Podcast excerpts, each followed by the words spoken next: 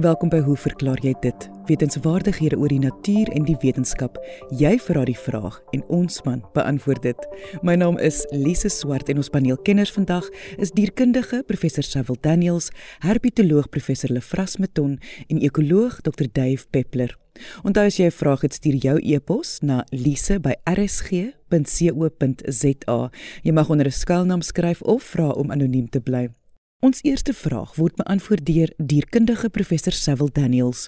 Jan skryf: Net so 'n bietjie agtergrond. Gedurende die COVID-grendeltyd het ek besluit om in Kahokoland in Namibië as 'n avonturier en ontdekker te gaan rondstap. Wat net 'n naweek ekskursie sou wees, het amper 2 jaar geword.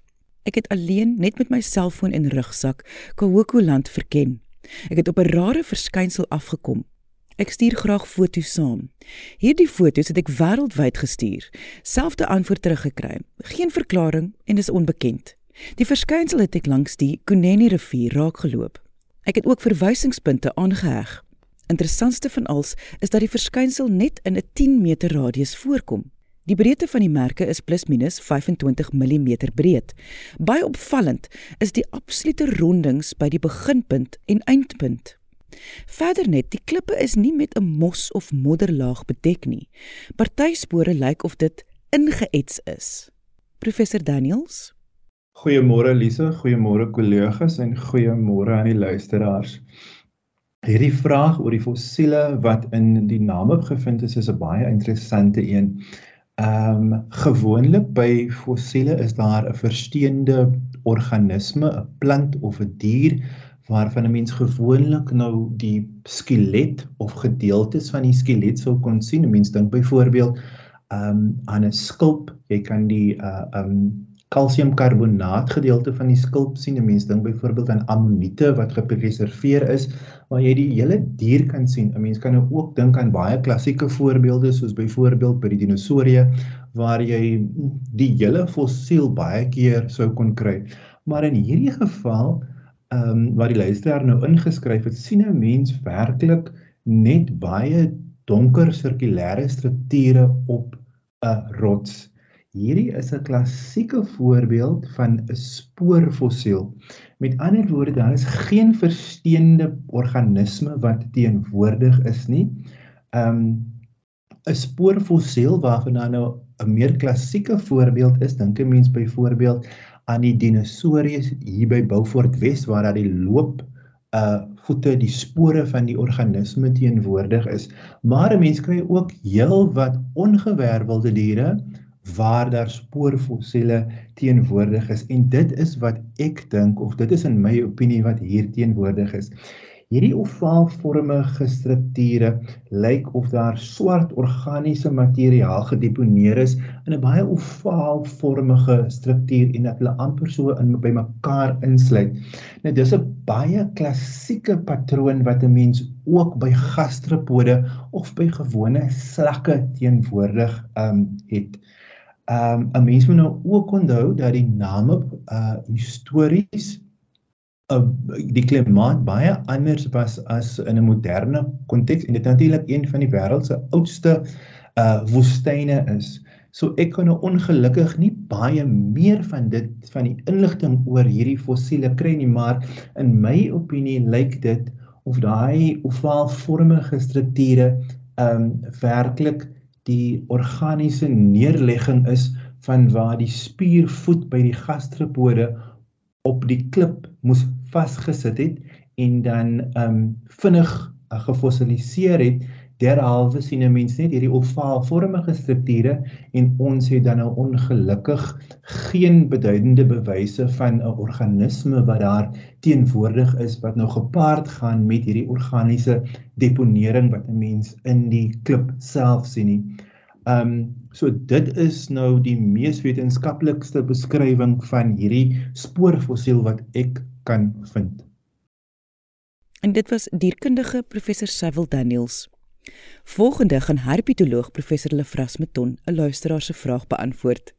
Gerry Vermeulen skryf: Ek het nou onlangs 'n berigie op Netwerk 24 gelees van 'n reusagtige nuwe langnek plantetende dinosourus spesies wat in die suide van Argentinië ontdek is. Die dinosourus wat 50 ton geweg het en 30 meter lank was, word beskou as die grootste dinosourus wat nog in die bergagtige Rio Negro provinsie opgegrawe is. Tot dusver het ek nog geen bevredigende verklaring gekry oor hoekom dinosourusse so groot geword het nie. Kan die hoe verklaar jy dit span dalk meer lig op die onderwerp gooi?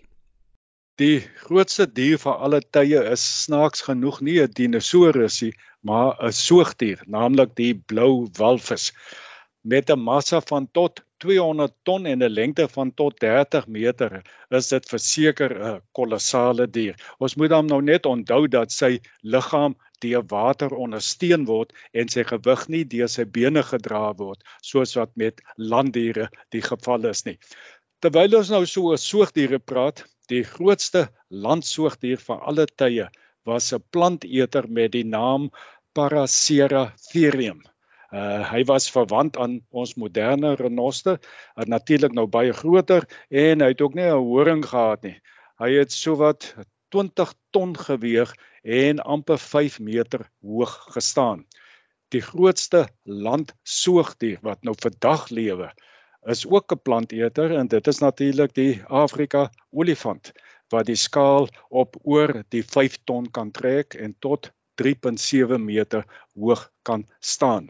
As ons nou kyk na roofdiere, hierdie wat ons nou genoem het was nou planteters. Nou as ons nou na die vleiseters kyk, uh die grootste een wat vandag lewe is die ysbeer. Uh hy is so 2.4 meter hoog en so 590 kg in massa. En as ons nou uh aanbeweeg na die regtige groot diere, die dinosourusse, dan sal ons sien dat die grootste landroofdier van alle tye was 'n dinosaurus met die naam Spinosaurus. Nou hierdie vleiseter het van 13 tot 22 ton geweg. In vergelyking met die 5 ton van die Afrika olifant was dit dan nou werklik 'n massiewe dier. Maar dis nou nog niks. 'n Groep plantetende dinosourusse, die Sauropoda, het spesies ingesluit wat tot 60 ton geweg het. Dis meer as 10 Afrika olifante saam. Daar bestaan dus geen twyfel nie dat van die dinosourusse baie groot was en geen gelyke onder ander landwerweldiere gehad het nie. So, hoekom het nou juis hulle so groot geword? In ons gesprek oor liggaamsgrootte by dinosourusse moet ons onderskei tussen dit wat dinosourusse toegelaat het om so groot te word en tweedens wat die ekologiese voordele van 'n groot liggaam sou wees. Kom ons praat eers oor daardie anatomiese en fisiologiese kenmerke wat 'n groot liggaamsgrootte sou toegelaat het, veral by die sauropode. Dis nou daai grootes met die lang nekke. Dinosourusse se ledemate is direk onder die liggaam geplaas en nie aan die kante soos die van akedisse en krokodille nie. Nou hierdie bouvorm sou hulle dan nou in staat stel om minder energie te gebruik tydens beweging en om relatief groot te wees want die bene is nou soos pilare uh, en onderreg onder die liggaam en hulle kan 'n groot liggaam ondersteun. Uh uit die aard van die saak sou die heel groot dinosourusse op vier bene geloop het. Baie dinosourusse was tweebenig. Twee bene was goed vir hardloop, so al die predatoriese dinosourusse was tweebenig. Maar hulle was nie uitermate groot nie. Om groot te wees is vier bene of was vier bene nodig om die gewig te dra. Sauropoda wat nou die groot plantetende dinosourusse met die lang nekke insluit, het minder beweeglike gewrigte en enkels gehad wat hulle sterker gemaak het. Die hande en die voete was ook baie groot wat gehelp het om die gewig te versprei. So hulle kon baie groot word hierdie diere. Verder het hulle wye heupe gehad wat die liggaam nie net meer stabiel gemaak het nie, maar ook spasie ge gebied het vir 'n baie groot maag wat beteken het dat hulle baie kan eet en dat meer energie en voedingsstowwe uit met plantmateriaal verkry kon word uh, wat natuurlik baie nodig sou wees om 'n groot liggaam te onderhou. Vir 'n planteter kan dit baie voordelig wees om 'n lang nek te hê want hy hoef dan minder te beweeg. Hy kan sommer net so op een plek staan en oor 'n groot area voet. 'n Groot kop sal egter nie werk op 'n lang nek nie. Mens kan nou dink as die wind waai en daai daai kop begin so te wieg in die wind omdat omdat hulle min tande gehad het en nie hulle kos gekou het nie, maar heel ingesluk het, het hierdie plantetende sauropoda klein koppies gehad. Daar was mos nou nie kaakspiere nodig nie. En die klein koppies het dan toegelaat dat hulle lang nekke kon ontwikkel. Anders as by reptiele en soogdiere is sekere bene van dinosourusse hol en met lug gevul. Mens sien dit ook vandag by voëls. Diere met soliede bene sal dus heelwat swaarder weeg as dinosourusse van gelyke grootte, betekende dat dinosourusse heelwat groter kan word, sê byvoorbeeld as soogdiere. Sauropoda, dis nou die langnek maniere, se ligter nekwervels was een van die redes hoekom hulle sulke lang nekke kon ontwikkel. Dan dinosourusse soos by die enigste oorlewendes, die voëls ook gesien kan word, het verder 'n hoogs effektiewe asemhalingsstelsel van lugsakke en een rigting vloei van lug deur die longe. Daar word dus voortdurend suurstof in die longe opgeneem, ook tydens uitaseming. En hierdie hoogs effektiewe stelsel het dinosourusse in staat gestel om baie groot te word. So wat sou dan nou die ekologiese voordele van 'n groot liggaamsgrootte by dinosourusse wees. Uh by planteters sou kompetisie tussen spesies gelei het tot die evolusie van langer nekke en groter liggame om plantmateriaal op hoër hoogtes te kan bykom. 'n Groot liggaam sou ook beskerming bied teen predatore en ook die diere in staat gestel het om meer koste-effektief af uh, afstande af te lê op soek of lang afstande af te lê op soek na kos. Uh, vleiseters sou natuurlik ook groter geword het om die groot planteters suksesvol te kon jag. Daar was natuurlik ook uh, nadele aan 'n groot liggaamsgrootte. Die die ongunstige oppervlak tot volume verhouding van groot diere sou beteken dat groot diere maklik sou kon oorverhit uh die lang nekke van van van hierdie dinosourusse sou waarskynlik dan hierdie probleem so effe teengewerk het want die nekke het mos nou 'n meer gunstige oppervlak volume verhouding en hulle kan uh, baie hitte deur die nekke verloor. In absolute terme het groter uh, diere natuurlik ook meer kos en water nodig as kleiner diere en het in die in die langtermyn dus 'n groter kans gehad op uitsterwing.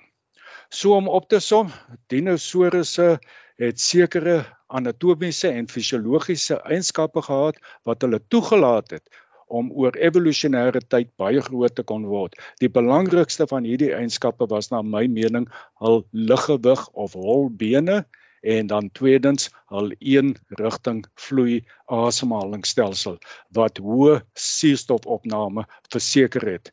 Die dryfveer agter die evolusie van groot liggaamsgrootte het waarskynlik by die planteters begin as kompetisie tussen spesies om voedselbronne die beste te kon benut. Uh soos die planteters nou groot geword het of groter geword het, moes die vleiseters ook groter word om die planteters suksesvol te kon jag. En dit was herpetoloog professor Lefras Meton. Onthou indien jy 'n vraag het, stuur jou e-pos na lise@rsg.co.za of direk deur RSG se webwerf gaan dit na rsg.co.za. Jy luister na Hoe verklaar jy dit? My naam is Lise Swart en ons paneelkenners vandag is ekoloog Dr. Dave Peppler, herpetoloog professor Lefras Meton en dierkundige professor Cecil Daniels.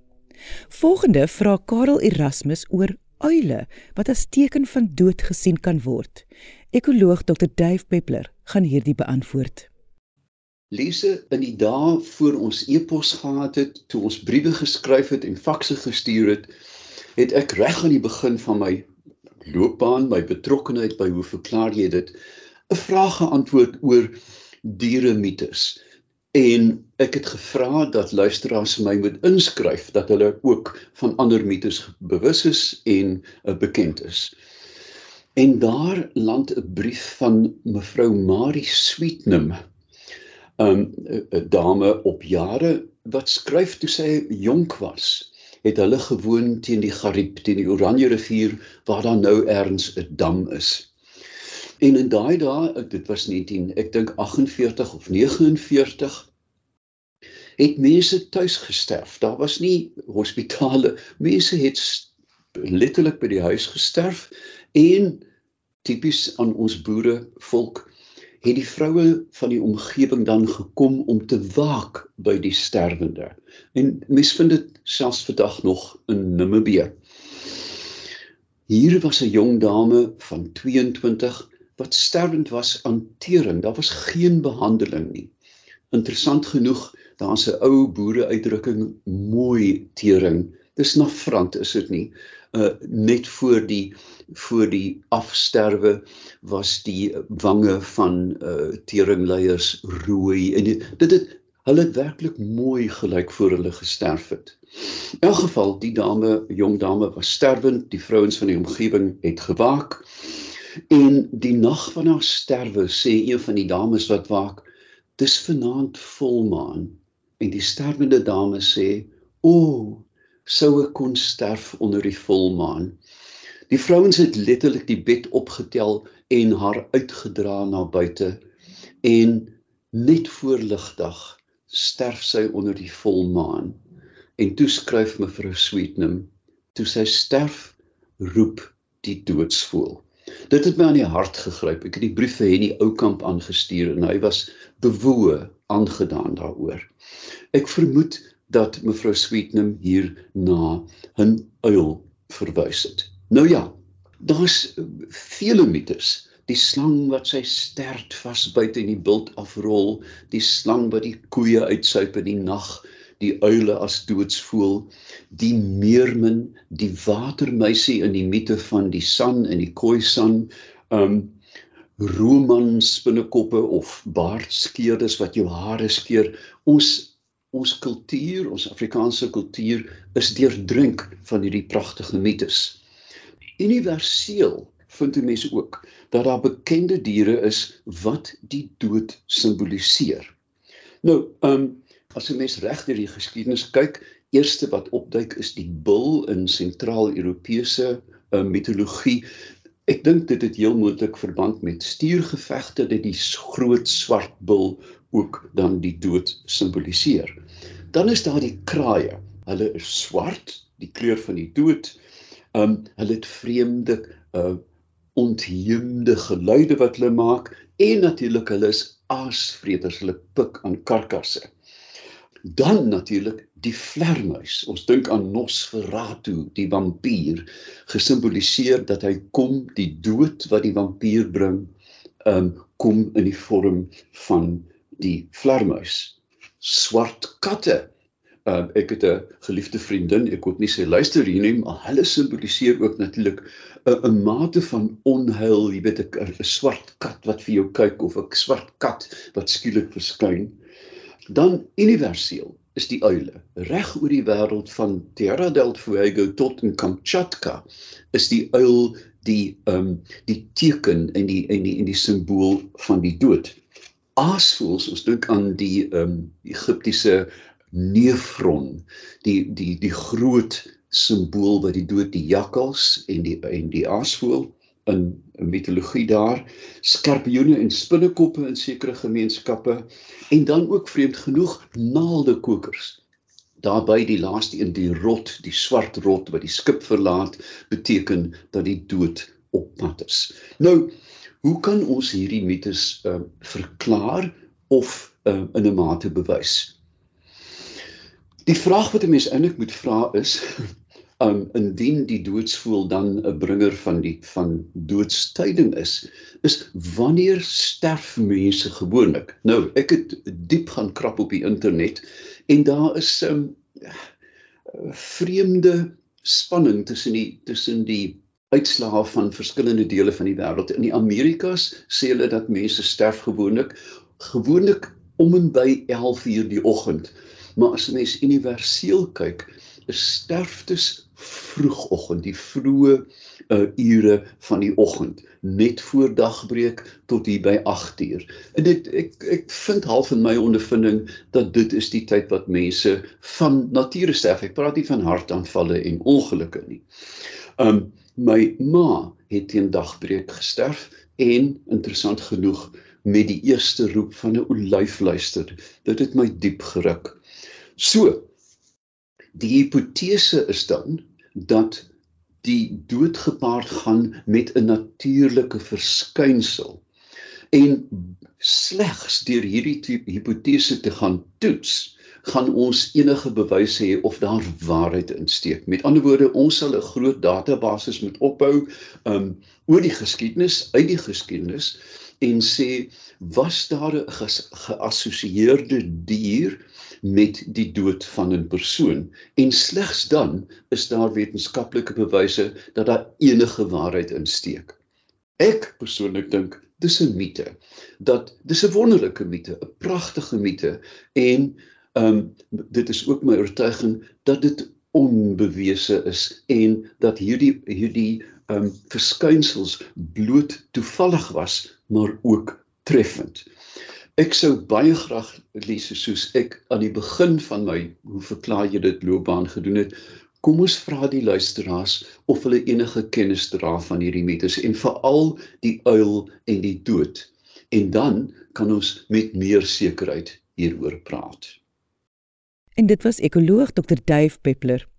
Dr Willem Botha skryf: Ek lees tans die boek Stories teen my muur van Matthys Strydom. Hy vertel daarin van 'n besondere ervaring met 'n padda. Hy en sy vrou, Helene, was die eerste mense wat die hele otterwandelpad in die Tsitsikamma Nasionale Park gestap het. Tydens die staptog sit hy langs 'n poel en gooi in gedagte 'n stokkie in die water. Skielik sien hy dat 'n padda wat in die middel van die poel op 'n klip gesit het, induik en doelgerig na die stokkie swem. Die padda gryp die stokkie in die bek, swem na die oewer en gooi dit driftig uit op die wal. Waarna dit terugswem en weer rustig op die klip gaan sit. Hy roep sy vrou om te kom kyk en herhaal die proses verskeie kere. Tuis gekom, vertel hy die storie aan sy vriende wat dit se muur as 'n liegstorie afmaak. Op 'n latere herhaling van die staptog saam met die einste vriende het Matthys sy sogenaamde liegstorie egter voor almal as waar bewys.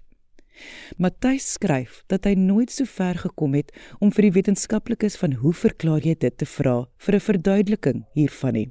Matthys Strydom is verlede jaar oorlede en daarom vra ek graag nou die vraag namens hom. Professor Meton Willem, ek moet bieg, ek het aanvanklik ook gedink dit is 'n volla storie, maar ek het toe nou nog gedink of dit goed gedink om die paddakenner professor Louis Depree van Noordwes Universiteit uh, se mening ook te kry. Nou dit is wat Louis te sê het. Die padda is heel waarskynlik die Kaapse rivierpadda. Hulle sit dikwels selfs in die dag so op 'n klip in of langs 'n waterpoel. Die eerste deel van die storie kan ek glo, naamlik dat die padda sal gaan vir die stokkie omdat die beweging hom laat dink dit is kos. Ek het alself uh vir 'n rivierpadda 'n mot in die water gegooi wat hy dadelik aangeval en verorber het.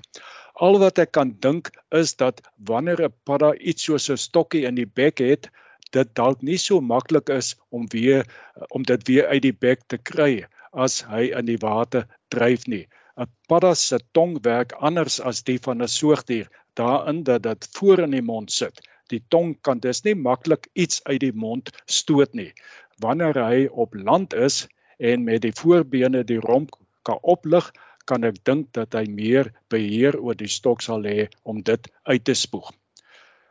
As ek dan nou net by Louis kan aansluit, hierdie is beslis nie 'n geval van 'n padda wat sy poel probeer skoon nou nie. Ons is maar al te lief daarvoor om menslike gedrag aan diere toe te dig. Nietemin Dankie Willem dat jy hierdie interessante storie uit Matthys Strydom se boek met ons gedeel het. En dit was herpetoloog professor Lefras Meton. Onthou as jy 'n vraag het, stuur jou e-pos na lise@rsg.co.za.